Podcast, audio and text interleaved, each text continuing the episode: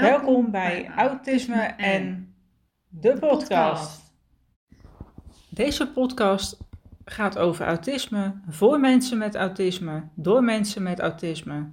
En het is ook voor de mensen die gewoon meer willen weten over autisme of uh, om te, beter te begrijpen hoe ermee om te gaan. Waarom het autisme en heet, uh, is omdat er, ja, elke podcast komt er weer een ander onderwerp aan bod. Bijvoorbeeld autisme en prikkels. Of autisme en hobby's. Autisme en omgaan met andere mensen. En nou ja, zo kan je maar door blijven gaan. Uiteraard gaan wij ons ook even voorstellen. Nou, de stem die je nu hoort, dat ben ik. Dat, ja, Mandy. Uh, mijn leeftijd is 28 en het is ontdekt toen ik 15 was. En nou ja, ik heb bij de NOS. Ik ben Linda, ik ben 29 en de leeftijd wanneer het bij mij ontdekt was is 18. Ja, en onze hobby's zijn best wel gezamenlijk. Dat klopt. Uh, waaronder nou ja, vooral Disney. De Efteling. Disney Pins. Nou, dat zijn spelletjes die je kan verzamelen. Escape rooms.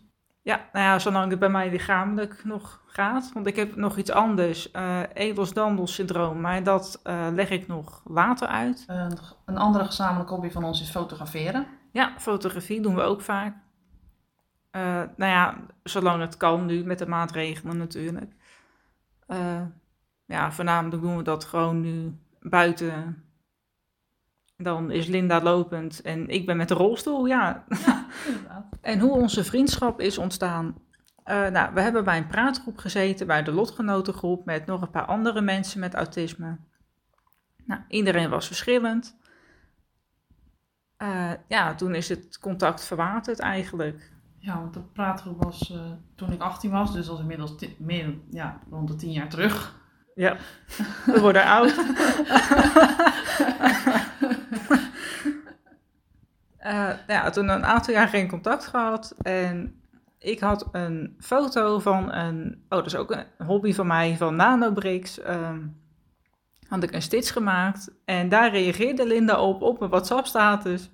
Ja, dat ging eigenlijk per ongeluk, maar Wendy zei: Nee, lang niet gesproken. Hi, ja. en zo is het weer ontstaan. ja, en uh, toen hebben we ja, afgesproken. En... In Blijdorp? Ja, ook nog een van onze hobby's. En, ja, en op een gegeven moment, nou ja, um, we waren eerst een beetje sceptisch van, ja, van hoe nu verder, want we hebben elkaar al jaren niet meer gesproken of gezien. En nou ja, toen hadden we het ineens over Disney, of op de app al eigenlijk. Ja.